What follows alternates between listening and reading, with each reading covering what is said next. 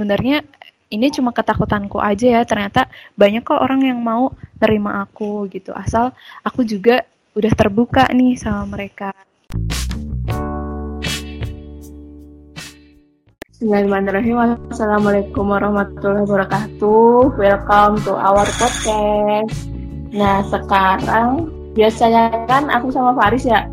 Tapi sekarang khusus saat ini aku sama salah satu narasumber yang mungkin ya sedikit banyak paham lah ya mengenai apa yang mau kita bahas. Dan sekarang itu kita mau bahas segala sesuatu tentang insecure kayak gitu. Soalnya kan kadang apa ya orang-orang itu pemahamannya yang beda gitu loh. Apa itu insecure? Kenapa kok bisa kayak gitu? Nah, sekarang aku sama Durah ye, nang. Dulu dong. Halo semuanya, perkenalkan nama aku Durah. Uh, nama lengkapnya Durah Hamajida, biasa dipanggil Durah uh, saat ini statusnya masih sebagai mahasiswi. Uh, mahasiswi psikologi di Undip gitu. Angkatan tua lah pokoknya. Ini berarti lagi di rumah ya Enggak, aku masih stay di Tembalang. Oh iya. Ya iya. Aku nggak pulang. Saya masih mengurusi skripsi. Oh. Jadi di Tembalang. Oh. Oke, okay. aku nggak tahu sesungguhnya insecure itu uh, apa ya? Sesungguhnya itu apa gitu. Nah, sebenarnya insecure itu apa sih? Nah, jadi kalau di psikologi ini uh, kita ngerunutnya kenapa orang itu bisa insecure itu dilihat dari attachment. Nah, attachment ini uh, bahasa Indonesianya itu kelekatan gitu. Nah, teori kelekatan ini uh, ini ketika seseorang ini masih pada masa bayi gitu, masa bayi kan. Nah, di sini uh, pas jadi kalau attachment atau kelekatan ini sebenarnya ada tiga jenis gitu. Menurut John Bowlby sama Ainsworth gitu. Nah, jadi uh, yang pertama aku bakal sharing gitu tentang tiga jenis uh, gaya kelekatan gitu. Nah, yang pertama itu secure gitu atau aman gitu.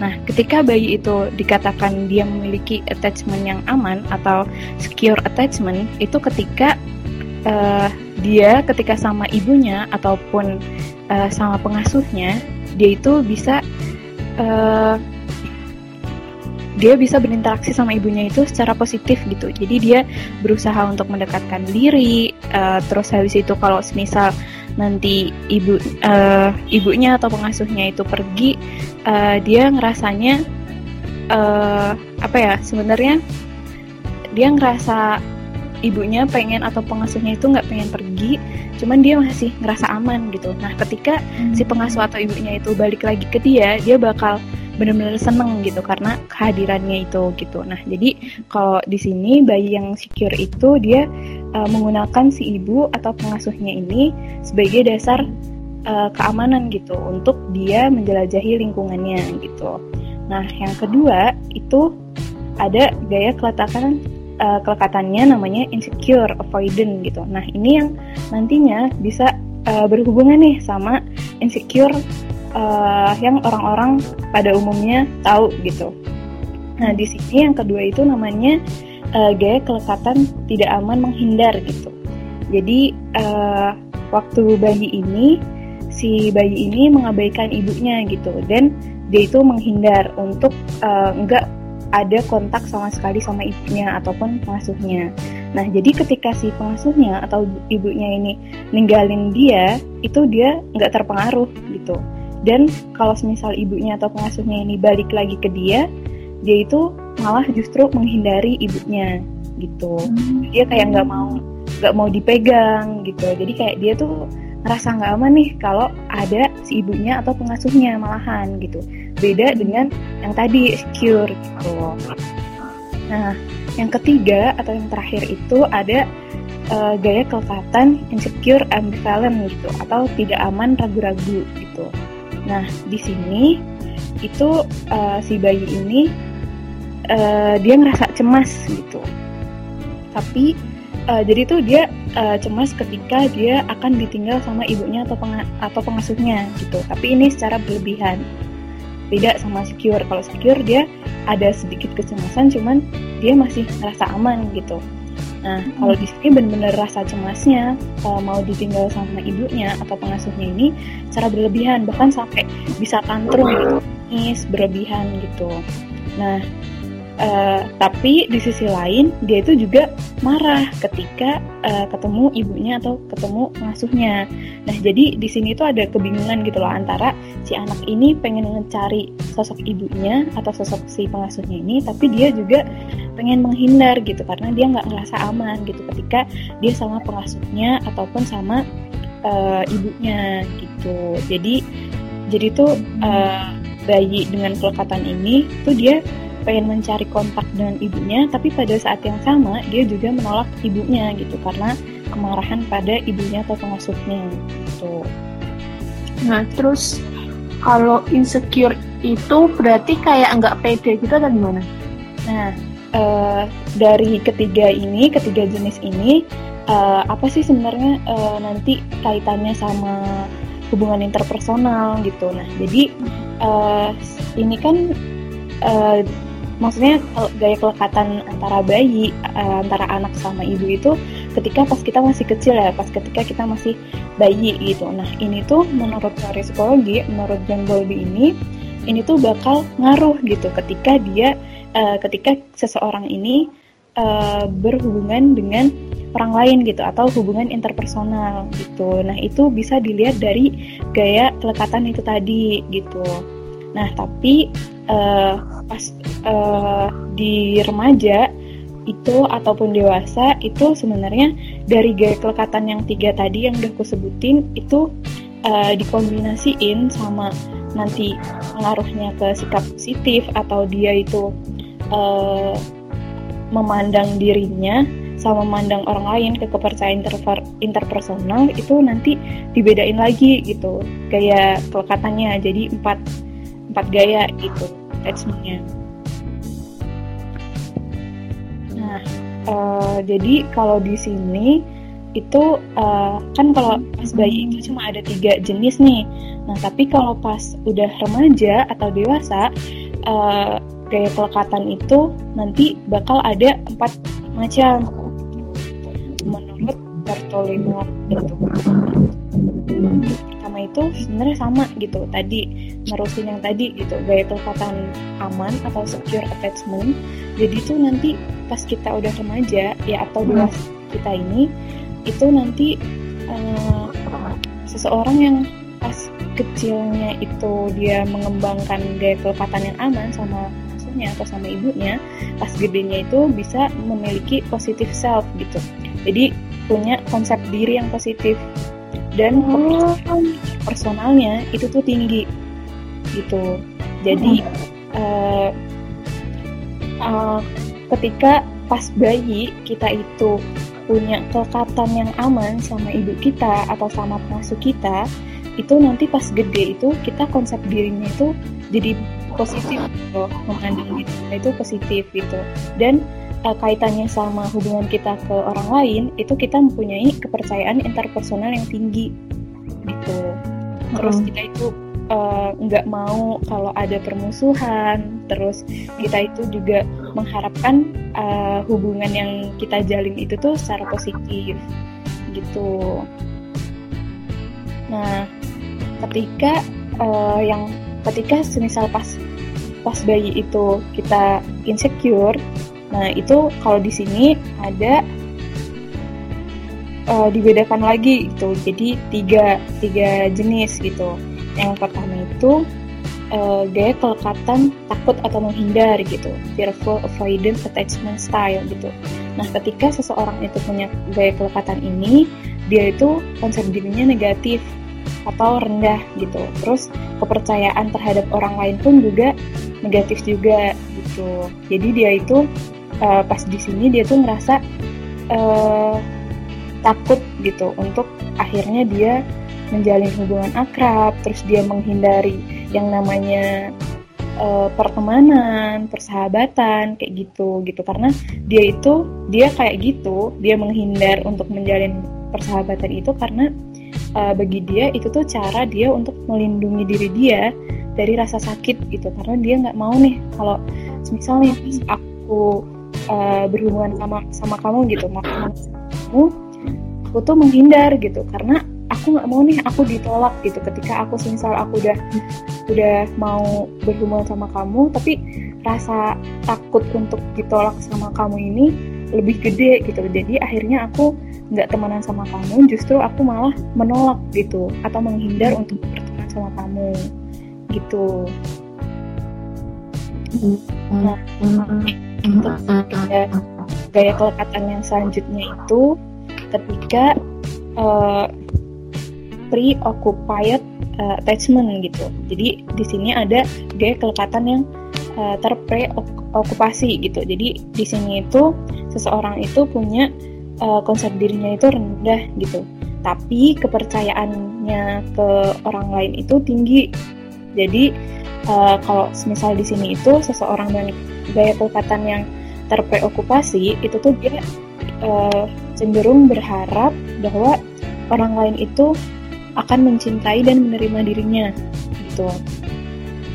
Nah, tetapi mereka itu juga mengalami kecemasan gitu dan rasa malu gitu. Jadi itu sebenarnya kalau di sini tuh uh, dia konsep dirinya tuh rendah gitu kan. Dia ngerasa nggak pantas gitu. Tapi sebenarnya untuk ngejalin itu dia pengen gitu. Tapi gara-gara gara-gara konsep dirinya yang rendah, akhirnya dia justru enggak uh, membangun pertemanan itu tadi itu. Nah, yang terakhir itu ada gaya kelekatan menolak gitu atau dismissing attachment style gitu. Ketika seseorang itu dia uh, memiliki gaya kelekatan menolak, dia itu punya konsep diri yang positif dan kepercayaan inter tapi kepercayaan interpersonal itu dia rendah gitu. Jadi di sini itu uh, gaya kelekatan ini itu digambarkan pada uh, adanya konflik gitu. Dan eh, nggak uh, adanya rasa aman gitu. Jadi uh, si individu ini tuh merasa layak memperoleh hubungan yang akrab tapi dia nggak percaya nih sama orang yang uh, bisa dia jadiin orang yang terpercaya sebenarnya sahabatan kayak gitu. Hmm itu jadi uh, hubungan interpersonal kita kepada orang lain itu tuh sebenarnya dipengaruhi oleh kelekatan kita kepada ibu kita, kepada pengasuh kita ketika kecil gitu. Jadi ketika kita itu uh, kelekatan kita itu aman atau secure attachment, itu nantinya ya hubungan interpersonal kita kepada orang lain itu bakal bagus gitu, bakal positif, bakal set diri kita itu tinggi, pun juga konsep diri yang positif gitu ya. Jadi dan uh, kepercayaan interpersonal kita kepada orang lain pun juga tinggi gitu. Ketika kita pengen membangun rasa apa ya membangun hubungan pertemanan yang positif tapi konsep diri kita tuh juga positif gitu tentang diri kita gitu. Kayak gitu. Jadi kalau ketika uh, gaya kelekatan seseorang itu uh, cenderung insecure itu mereka cenderung susah gitu untuk uh, menjalin hubungan pertemanan Perteman. gitu, hubungan personal gitu dengan orang lain kayak gitu. Nah hubungan interpersonal terus uh, gaya kelekatan ini tuh juga sebenarnya ada pengaruhnya sama kepribadian gitu. Mungkin uh, kalau ada yang tahu gitu adanya teori tentang Big Five Personality gitu. Yang extraversion terus agreeableness terus ada openness terus ada uh, neuroticism kayak gitu. Pokoknya ada ada lima kayak gitu. Ada lima tipe kepribadian yang biasanya tuh kalau itu tuh nanti extraversion itu nanti bisa uh, orang-orang yang nganggapnya jadinya extrovert gitu. Kayak gitu jadi tuh sebenarnya uh, gaya kelekatan pas kita bayi itu tuh sangat berpengaruh gitu loh uh, dengan hubungan interpersonal kita ke orang lain kayak gitu. Berarti kayak ini ya berarti kayak kayak asuh waktu kecil juga itu hmm. bakal mempengaruhi itunya waktu dewasa gitu ya tapi yeah. mungkin nggak kalau misal mungkin nggak kalau misal waktu pas bayi nih dia termasuk orang yang uh, insecure kayak gitu. Tapi hmm. nanti lama-lama pas dewasa dia jadi kayak jadi merasa secure atau sebaliknya kayak gitu. Itu mungkin nggak? Uh, sebenarnya kalau untuk perubahan tuh sebenarnya memungkinkan gitu.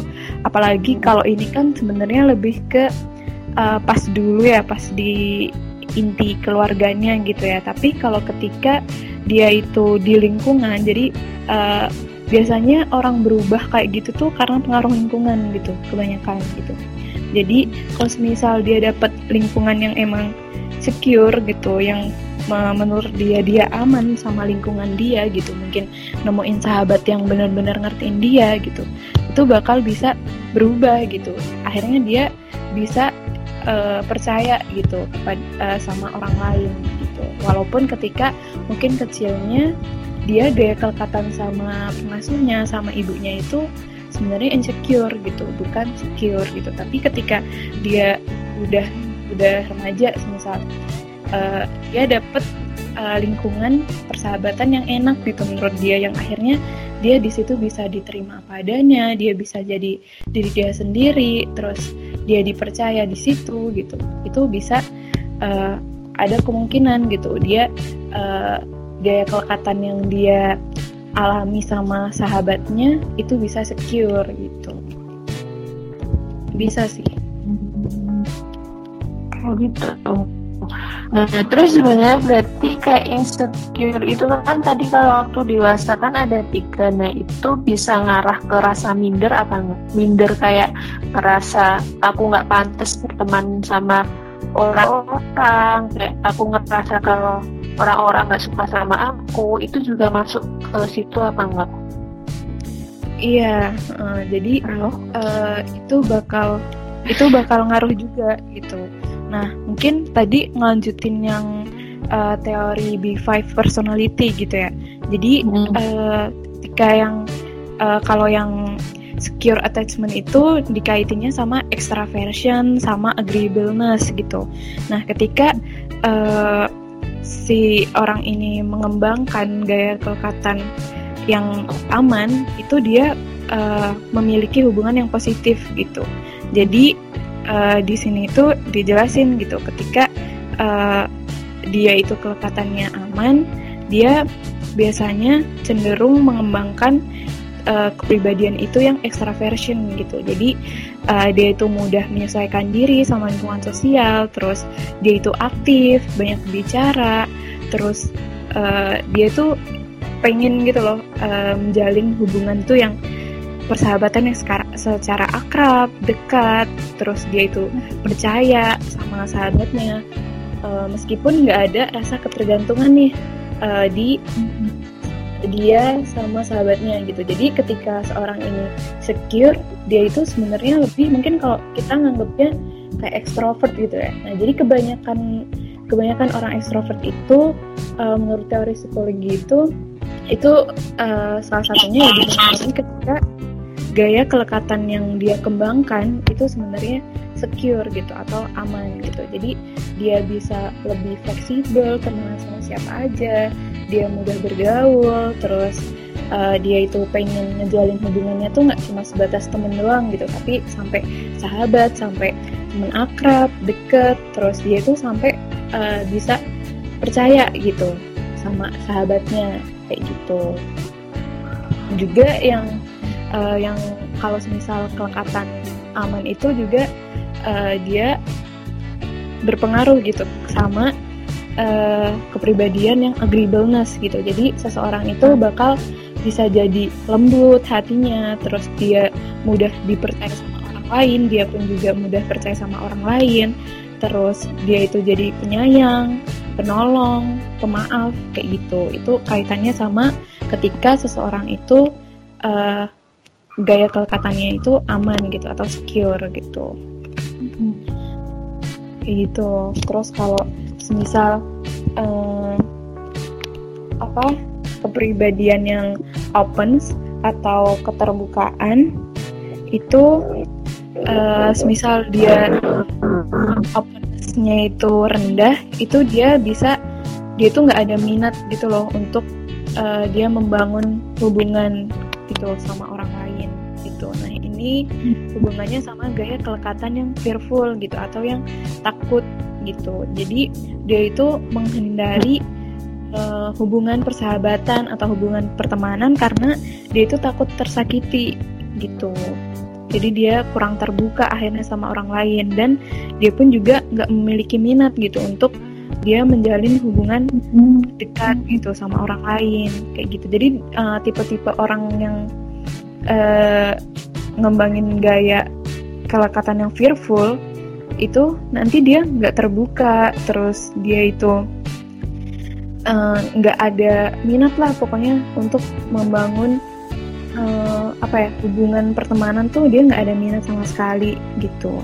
Jadi minat dia tuh rendah banget gitu. Jadi biasanya dia punya temen tuh cuma sedikit kayak gitu. Nah terus kalau yang gaya kelekatan dismissing itu uh, dia hubungannya sama uh, teori kepribadian yang conscientiousness oh jadi di sini tuh oh di sini tuh gini kalau gaya kelekatannya itu dismissing itu dia dan dia itu uh, bakal kepribadiannya itu berhubungannya sama uh, conscientiousness gitu. Jadi ketika individu itu tuh dia tipikal orangnya yang teratur, terus dia itu pekerja keras, disiplin, tepat waktu, teliti, rapi, punya ambisius yang tinggi. Jadi dia itu uh, sampai saking konsep dirinya itu positif kalau dia itu mampu sendiri akhirnya dia itu nggak mau nih untuk uh, apa ya istilahnya membangun hubungan pertemanan sama orang lain gitu. Karena dia ngerasa dia itu udah mampu untuk sendiri gitu. Itu juga ada gitu. Itu kalau individu uh, dengan uh, kepribadian yang conscientiousness-nya itu tinggi gitu. Jadi yang individu yang dia itu keras, dia itu teliti banget, dia itu teratur, dia itu disiplin, tepat waktu, idealis, itu tuh dia cenderung memiliki uh, min, uh, dia tuh cenderung minat untuk berteman itu tuh rendah. Gitu. Dia kayak nggak butuh nih uh, kehadiran orang lain gitu. Uh, gitu. gitu. Ada juga kalau uh, tipikal yang uh, neurotism itu tuh ketika misal orang dengan kepribadian yang dia tuh gampang cemas, gampang gugup, terus emosional, eh kayak pemarah gitu, terus dia itu ngerasa nggak aman, nggak mampu sama dirinya sendiri, terus dia ngerasa kayak mudah panikan gitu tuh biasanya uh, itu dipengaruhi sama gaya kelekatan dia yang ambivalence tadi yang insecure ambivalence. Jadi dia kayak nggak aman terus uh, sebenarnya dia sosok yang nyari seseorang tapi dia pas seseorang itu hadir dia menghindar gitu. Kayak gitu. Jadi dia apa ya untuk membangun hubungan pertemanan tuh dia susah gitu. Kayak gitu. Nah jadi hubungannya sama insecure itu ya itu tadi gitu. Gaya kelekatan gaya kelekatan tadi yang yang akhirnya membuat seseorang itu uh, enggan gitu atau uh, cenderung untuk memiliki hubungan pertemanan atau persahabatan tuh cenderung rendah gitu. Itu bisa jadi gitu. Kalau di psikologi bisa dipengaruhi salah satunya itu hmm. dengan uh, kayak kelekatan gitu. Dan itu pun juga bisa berpengaruh sama kepribadiannya dia yang tadi gitu. Hmm. gitu sih. Gitu kalau misal kayak aku sadar nih aku orang yang apa tadi insecure terus tadi masuk ke golongan yang apa ya rasa tertutup gitu. Nah, hmm. bisa nggak sih orang itu berubah dan gimana caranya kalau misal kayak aku bisa kayak gitu terus yang berubah itu gimana? uh, berarti pertanyaannya ketika seseorang itu uh, dia nggak terbuka gitu sama orang lain cuman dia pengen berubah hmm. untuk bisa terbuka gitu. Iya. Iya jadi kalau uh, masalah keterbukaan itu sebenarnya itu kalau di teori kepribadian itu masuknya ke openness ya jadi keterbukaan atau uh, kepercayaan dia untuk trust ke orang lain gitu. Karena untuk uh, terbuka itu kan kita terbuka ke orang lain itu uh, harus dilandasi sama namanya kepercayaan ya. Hmm. ada trust gitu. Nah ini balik lagi kalau di teori psikologi itu tuh kita gede itu tuh bener-bener ditentuin banget gitu. Kita kecil kayak gimana gitu. Nah ada juga gitu di tahap-tahap psikososial gitu di tahap perkembangan orang pas di satu tahun uh, satu tahun awal kehidupan orang gitu di masa satu tahun bayi itu kita itu ada namanya tahap uh, basic trust sama mistrust. Gitu. Nah di sini itu kalau semisal uh, dia ngembangin tahap yang basic trust itu dia benar-benar uh, punya nih kepercayaan sama pengasuhnya, sama orang tuanya atau sama orang-orang yang terdekat dia gitu. Nah kalau dia dianya punya kepercayaan, dia baru bisa mengembangkan bahwa oh aku aman nih sama ibu aku misal. Berarti aku bisa nih nge-explore. Nah, itu balik lagi berhubungan sama gaya kelekatan tadi. Akhirnya dia uh, gaya kelekatan sama ibunya atau sama pengasuhnya atau sama orang terdekatnya yang terjalin akhirnya secure gitu. Tapi ketika pas di fase satu tahun itu seseorang itu atau bayi itu akhirnya mengembangkan tahap perkembangan yang mistrust gitu itu nggak ada tuh uh, kepercayaan sama uh, orang tua sama orang-orang terdekat dia gitu nah akhirnya yang terjadi itu kayak kelengkapan itu attachment tua sama orang-orang terdekat dia itu insecure gitu.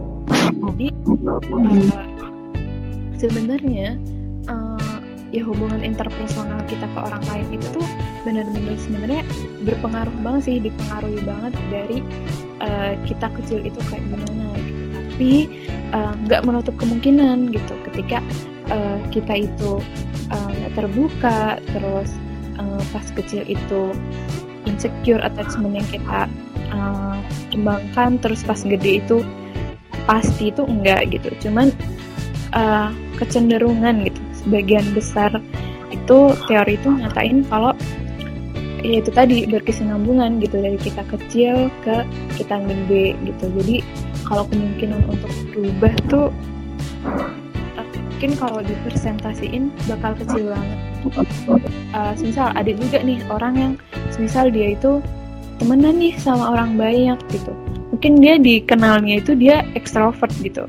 Tapi sebenarnya gitu uh, diri dia gitu atau kepribadian dia itu sebenarnya introvert gitu atau extroversion gitu. Karena dia ya seneng aja gitu uh, ketemu sama orang terus uh, temenan sama banyak orang gitu tapi dia nggak terbuka gitu ter terkait oh. dengan masalah pribadinya gitu terkait dengan dirinya sendiri. Ya karena dia nggak ada trust gitu. Mungkin dia di, dikasih kepercayaan tuh sama orang gitu. Kalau dia tuh enak kayak orangnya humble gitu orangnya bisa kok dia uh, mudah bergaul gitu. Enak kok kalau cerita sama dia gitu.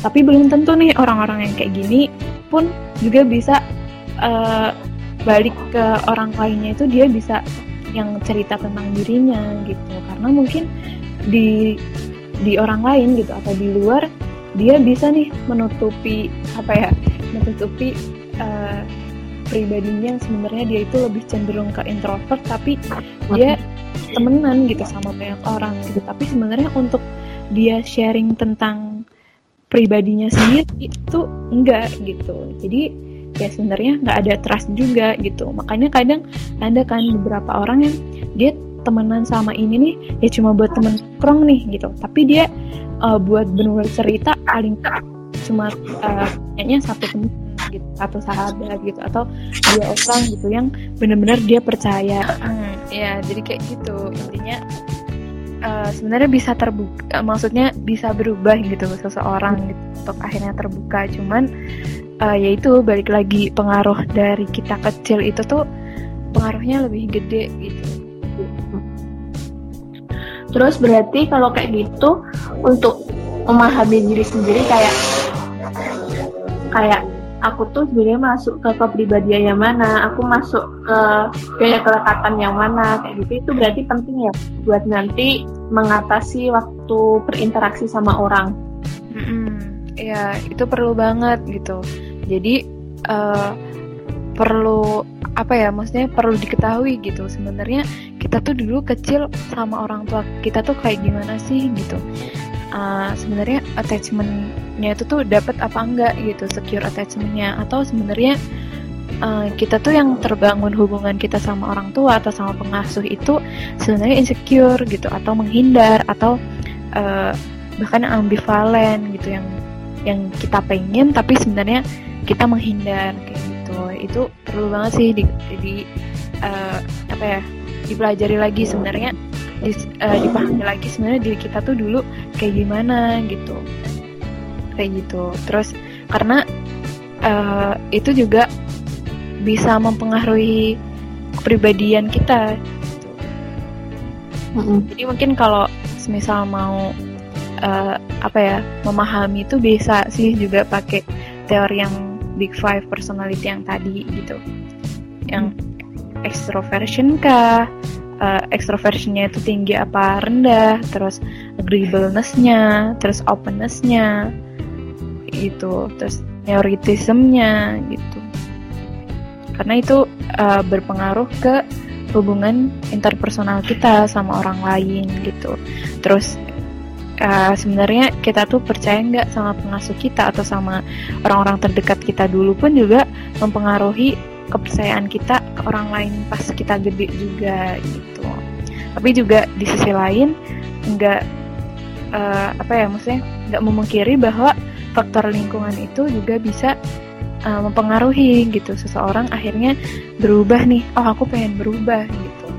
Uh, ketika ternyata pas di lingkungan dia itu dapat orang yang emang baik gitu. Dan emang menerima dia apa adanya. Akhirnya dia mulai ya aku mulai menerima diriku mulai mungkin kalau ternyata gaya pengasuhannya itu atau gaya kelekatan yang yang di apa ya dikembangkan sama orang tua dulu itu eh, nggak uh, aman atau insecure uh, dia ngerasa itu salah mungkin itu akhirnya dia uh, ada pemaafan tuh pemaafan diri sendiri pemaafan ke orang tua mungkin ibu uh, ke bapak gitu atau orang-orang deket di keluarganya pas kecil itu akhirnya dimaafin dan akhirnya dia mulai oh ya aku harus terbuka juga sama orang lain. Oh buktinya ternyata aku punya kok uh, aku temenan sama ini ternyata uh, dia nerima aku apa adanya. Oh berarti uh, sebenarnya ini cuma ketakutanku aja ya. Ternyata banyak kok orang yang mau nerima aku gitu. Asal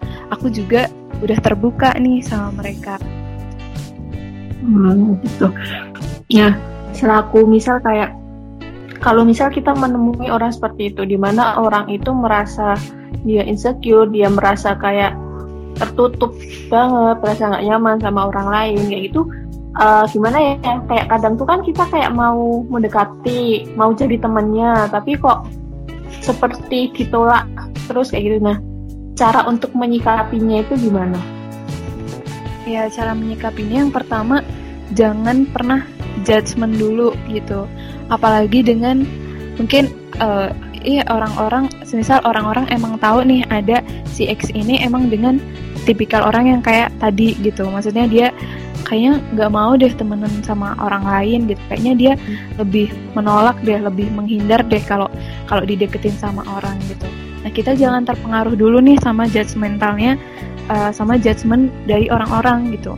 Ya kita pengen gitu uh, prinsipnya adalah jangan uh, menuruti judgement yang udah orang lain kasih ke dia gitu. Kalau kita emang mau ngedeketin dia gitu. Jadi hmm. yang pertama ya jangan pernah ada judgement dulu dari kitanya gitu. Dan emang pure nih uh, apa ya niat kita tuh pengen deket sama dia gitu. Nggak nggak buat ngebuktiin oh dia tuh nggak kok nggak kayak gini gitu. Nggak tapi emang kita pengen gitu. Uh, emang benar-benar jadi temen dia gitu. Bahkan mungkin pengen jadi sahabat dia gitu. Jadi yang ngedeketinnya mulai pelan-pelan gitu. Nggak nggak bisa yang langsung SKSD gitu. Karena biasanya kayak apa ya orang yang udah nolak terus di SKSD-in gitu. Itu kayak ini orang ngapain sih? Ini orang maksudnya takutnya dari dianya ini dari si X ini malah banyak apa ya eh, prasangka prasangka gitu. Ini orang kenapa? Orang awalnya nggak deket sama aku kok tiba-tiba SKSD banget? Kayak gitu. Jadi ya emang harus dimulai pelan-pelan gitu mulai diajak ngobrol hal-hal yang ringan terus nanti kalau udah hal-hal yang ringan baru ya hobinya apa? gitu. Nah mungkin dari situ akhirnya kita kayak uh, kalau sharing-sharing sama aku boleh loh kayak gitu. Terus uh, santai aja gitu. Maksudnya kita menawarkan diri untuk jadi teman sharing dia gitu. Kayak gitu. Jadi yang pertama emang yang syarat utama jangan ada judgement dulu sih gitu kalau orang-orang yang mungkin kita hindar untuk berteman kayak gitu justru kalau kita emang punya niatan baik untuk berteman sama dia ya deketinnya mulainya pelan-pelan gitu hmm. berarti secara nggak langsung kayak kita bikin dia nyaman dulu ya mm-hmm. ya kan misal kadang kalau misal ada orang yang mau misal orang yang seperti itu orang yang tertutup ya kadang hmm. dia cerita gini gini gini aku tuh aku tuh gak nggak guna gitu gitu terus kan kadang orang responnya kayak ih apaan sih gitu banget udah sih nggak usah kayak gitu gitu kan berarti kayak malah bikin orang itu tambah down ya berarti ya iya. Jadi ketika semisal orang ini ngerasa dirinya nggak berguna dirinya bersalah gitu uh, terus dia nggak pantas nih kayak tadi uh, dia nggak pantas nih untuk uh, dapet cinta sama kasih sayang dari orang lain itu uh, kita harusnya nggak mengabaikan apa ya perasaan-perasaan dia yang kayak gitu gitu. Tapi justru kita yang kayak uh, pengen tahu gitu. Maksudnya kenapa sih kamu ngerasa kayak gitu gitu? Nah mungkin kita bisa lebih di apa ya ngebantu dia tuh di situ gitu. Nemuin sebenarnya mungkin perasaannya dia kayak gitu tuh cuma sebatas berhenti di pikiran mereka gitu di kognitif mereka gitu. Jadi kayak mereka udah ngeblocking pikiran mereka untuk aku nih nggak layak nih aku nih nggak pantas nih dicintai sama orang lain. Aku tuh nggak pantas nih untuk dapet temen gitu aku nggak pantas gitu buat temenan sama orang yang kayak gini. Aku nggak pantas uh, kita yang ngebantu gitu. Sebenarnya kayak kenapa sih kamu uh, bukannya yang kayak apa sih kamu uh, rasa ngerasa kayak gitu gitu. Nggak gitu gitu. Tapi coba diganti dengan uh, oh kamu ngerasa kayak gitu gitu. Kenapa sih emangnya kalau boleh tahu gitu? Kenapa kamu bisa akhirnya ngerasa bersalah ngerasa nggak pantas tuh sebenarnya kenapa gitu? Nah karena mungkin aja kayak itu tadi itu tuh cuma ketakutan dia dan itu cuma sebatas di pikiran dia gitu di pikiran dia yang dia terlalu negatif posisi apa negatif thinking gitu. Dan itu uh, benar-benar udah apa istilahnya udah terinternalisasi lah di di diri dia gitu. Mungkin awalnya cuma sebatas pikiran doang gitu tapi kalau itu lama kelamaan itu akhirnya uh, dia apa ya dia ulang-ulang terus terus akhirnya uh, berulang kali dia kayak emang aku tuh gak pantas gitu. Emang aku tuh nggak pantas buat uh, buat dapat kasih sayangnya orang lain. Itu bakal terinternalisasi di diri dia gitu. Bahkan mungkin bisa mempengaruhi akhirnya ya dia menganggap diri dia emang nggak pantas gitu. Jadi padahal awalnya mungkin cuma sebatas kognitif gitu. Tapi lama kelamaan kalau itu uh, diinternalisasi ke diri dia dimasukin terus ulang-ulang terus aku nggak pantas sama akhirnya bisa berdampak ke perilaku dia gitu. Bahkan itu udah jadi apa ya judgmentalnya dia ke diri dia gitu.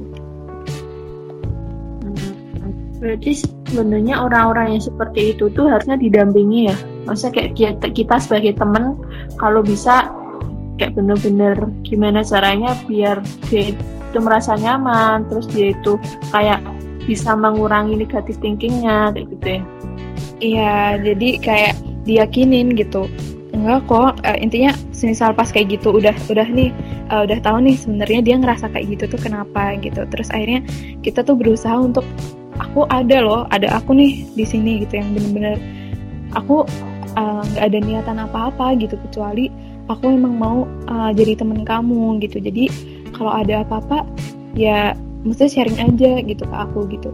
Ada kok gitu kalau kamu ngerasa kayak gitu aku nggak kayak gitu gitu. Maksudnya uh, apa yang menghadirkan diri kita gitu untuk jadi temennya dia gitu yang bener-bener menerima dia tuh apa adanya gitu. Jadi kalau dia udah ngerasa aman aman sama kita uh, baru nanti kalau pas udah aman nanti kita baru pahamin gitu ke dia bahwa uh, intinya ayo coba gitu. Maksudnya coba untuk uh, temenan sama yang lebih luas lebih banyak lagi gitu. Dan ya buktinya sama aku intinya kalau misal sama kitanya udah percaya ya itu pun juga bakal dilakuin sama orang lain gitu jadi akhirnya dia udah nggak takut lagi nih untuk uh, menjalin hubungan pertemanan atau persahabatan gitu sama orang lain terus sebenarnya insecure itu bisa disamakan dengan tidak bersyukur nggak? Insecure sama dengan tidak bersyukur. Nah itu ada yang tanya kayak gitu sih itu sama apa enggak sih? Gitu. Tidak tidak bersyukur bersyukur dalam artian apa nih? Kayak nggak bersyukur terhadap diri sendiri gitu loh. Ya kayak tadi kayak bukan bersyukur sih jatuhnya, tapi konsep diri yang negatif. Iya, jadi insecure ini ya ya kalau dia itu konsep dirinya itu negatif gitu ya dia bakal mengembangkan uh, kelekatan ke orang lain itu ya biasanya insecure gitu. Jadi kalau dia konsep dirinya itu negatif kayak merasa aku nih uh, jelek aku nih hmm, nah itu. nih jelek aku nih misal apa ya body shaming gitulah body shaming mungkin uh, aku nih aku nih apa ya jelek aku nih kayak gini aku nih uh, rambutnya kayak gini aku nih kurang tinggi aku nih kurang ini kurang ini gitu. Gitu. Itu mungkin lebih cocoknya dikatakan sebagai konsep diri yang negatif gitu. Nah kalau hmm. sama, kaitannya sama bersyukur kebersyukuran ya semakin kita bersyukur itu uh, semakin menambah konsep diri kita yang positif gitu. Nah, nanti hubungannya sama yang penerimaan gitu. Jadi ke, kalau ketika kita bersyukur, ya kita udah menerima uh, akhirnya karena kita ya kita dikasihnya sama Tuhan ya kayak gini gitu. Mau eh bukannya kayak gini. Kalau ya kayak gini kayak pasah ya. Maksudnya terima bersyukur gitu atas semua yang dikasih Tuhan terhadap diri kita gitu ya. Emang intinya tiap orang tuh udah punya porsinya masing-masing yang itu menurut Tuhan itu udah paling terbaik gitu. Dan ini diri kita ya ini diri kita versi Tuhan ini udah paling baik gitu. Nah yang tugas kita ya menjaga merawat diri kita gitu. Jadi kalau bersyukur kebersyukuran itu udah ada akhirnya kita uh, bentuk nih konsep diri kita yang positif. Nah, konsep diri udah positif itu nanti berhubungan juga dengan uh, attachment yang kita bangun nih ke orang lain, yaitu skill, insecure kayak gitu. Mungkin kaitannya kalau antara konsep diri, ketidakbersyukuran, terus hubungan personal kayak gitu ya. Hmm. Nah, terus kan tadi kan kayak kita harus bersyukur ya. Kayak aku tuh udah dikasih Tuhan tuh, tuh kayak gini. Ini udah versi terbaiknya. Allah ngasih aku tuh udah kayak gini dan orang tuh beda-beda. Nah tapi kalau misal ada case di mana kayak aku misal ngeliat kamu nih kamu tuh orangnya kayak apa ya eh terima banget kayak gitu. Terus kamu tuh kayak orangnya rajin tertib kayak gitu. Nah kayak aku tuh pengen berubah jadi kamu kayak gitu Nah itu gimana tuh? Tapi kadang aku kayak nggak nggak nyaman gitu loh kalau misal harus ngeplok jadi kayak kamu gitu. Nah itu gimana cara untuk merubah tapi tetap bisa ngerasa nyaman dengan diri kita? Hmm, ya paham paham. Jadi uh, kita ngerasa ada sesuatu yang dari diri kita itu masih kurang gitu kan. Hmm. Terus kita ngelihat orang lain uh, ada positifnya nih si si A misal gitu. Yang kita pengen coba kita itu uh, pengen nih uh, misal jadi yang kayak tadi mungkin muslimah mungkin lebih tertib lebih rajin gitu. Nah uh, tapi dengan tidak kita menjadi uh, tidak nyaman gitu dengan diri kita. Gitu kan ya pertanyaannya? Mm -hmm. jadi uh, kalau kayak gitu kasusnya gitu case-nya kayak gitu ya sebenarnya kita uh, sangat baik gitu untuk akhirnya kita berubah tuh karena ngelihat lain ngelihat orang lain kayak lebih positif gitu dari diri kita gitu kita ah aku pengen nih uh, ngelihat si A si A bisa mungkin uh, dia penyayang, lembut hatinya, terus dia bisa kayak gitu, pinter gitu-gitu. Nah itu kita boleh nih berusaha untuk kita uh, mengambil pelajaran positif nih dari si orang lain gitu. Tapi kuncinya kita nggak memaksakan nih diri kita untuk pure jadi sama plug gitu sama orang itu gitu. Setidaknya kita itu punya kita udah paham nih diri kita kurangnya misal aku nih uh, temperamen banget gitu ketika ada orang aja yang mungkin orang lain nggak niatnya nyinggung tapi kita uh, gampang nih buat tersinggung gitu dengan perkataan orang lain. Nah kita ngerubahnya mungkin uh, dengan bertahap gitu. Jadi nggak langsung aku langsung uh, apa ya langsung penyayang langsung maaf gitu, gitu. dengan perubahan itu secara bertahap gitu tapi progres juga gitu jadi uh, disesuaikan sama kemampuan diri kita juga gitu. Nggak yang ngoyok banget nih nggak yang ngejar banget. Kita harus jadi kayak si A gitu. Harus dengan standar tinggi kayak si A kayak gitu. Jadi kita tuh uh, boleh nih berubah merubah merubah apa yang kurang dari diri kita karena melihat hal positif dari orang lain. Cuman yaitu bukan terus ngepius diri kita harus bener-bener sama harus harus kayak banget uh, kayak si A gitu. Karena ya diri kita tuh punya kemampuan diri kita yang masing-masing. Kita punya versi terbaiknya diri kita masing-masing kayak gitu. Panjang ya alhamdulillah. Dapat pencerahan. Karena sama ini kayak kita mandangnya insecure sama dengan minder udah gitu doang. Dan nggak tahu itu asal usulnya di mana. Dan kita selama ini memandang itu insecure itu sesuatu yang sangat sangat sangat buruk. Padahal belum tentu ya. Iya. Nah mungkin udah sih kayaknya udah sangat jelas gitu ya. Dan sangat jelas mengenai pembahasan insecure itu sendiri gitu. Kalau misal kamu dapat nggak terakhir apa? Closing statement oh. lah. Ais. Closing statement. Jadi mungkin aku mau negasin lagi nih gitu ke teman-teman gitu.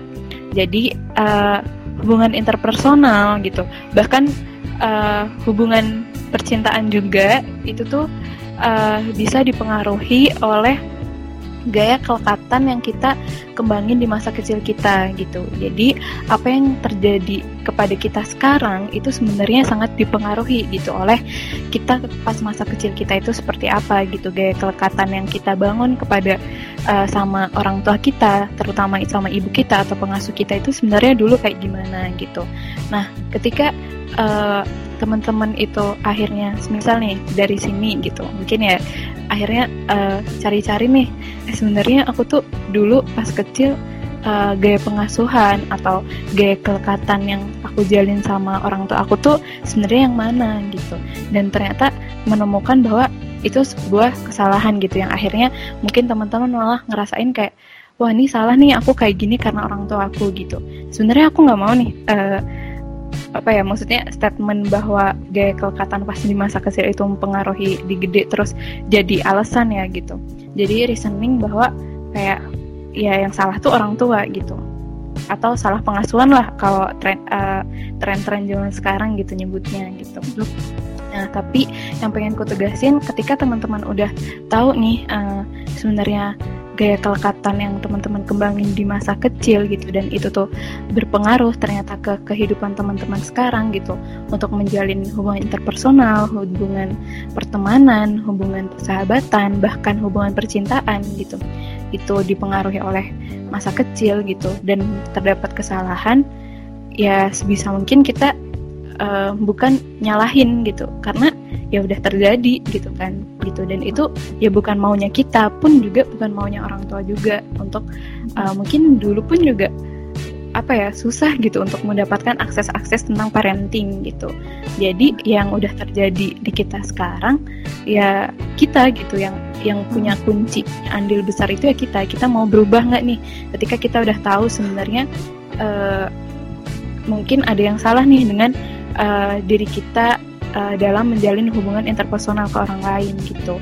Dan mungkin uh, jadi PR kita juga gitu. Ketika besok uh, kita udah nih jadi orang tua gitu yaitu ya salah satunya yang kita harus tanamin lagi adalah parenting gitu. Karena itu tadi ada fakta bahwa uh, gaya kelekatan atau gaya pengakuan pas di masa kecil pun turut mempengaruhi gitu. Ketika seseorang itu uh, gede gitu maksudnya uh, gimana cara dia menjalin hubungan sama orang lain. Kayak gitu sih. Mungkin hmm. dari aku. Oke okay, mantap lah ya.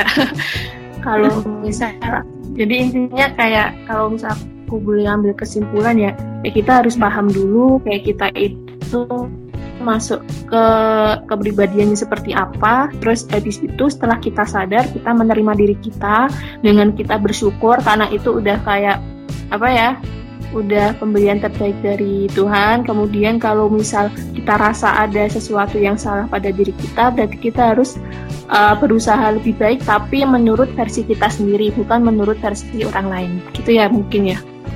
Iya, benar. Nah, udah mungkin gitu aja pembahasan tentang insecurity ya, insecurity ya, bisa bilang ya, yeah, yang lumayan lah, lumayan jelas lah semoga bisa bermanfaat tuh mungkin ini karena kita via online ya. Mungkin kalau misal nanti hasilnya kurang baik ya mohon maaf gitu.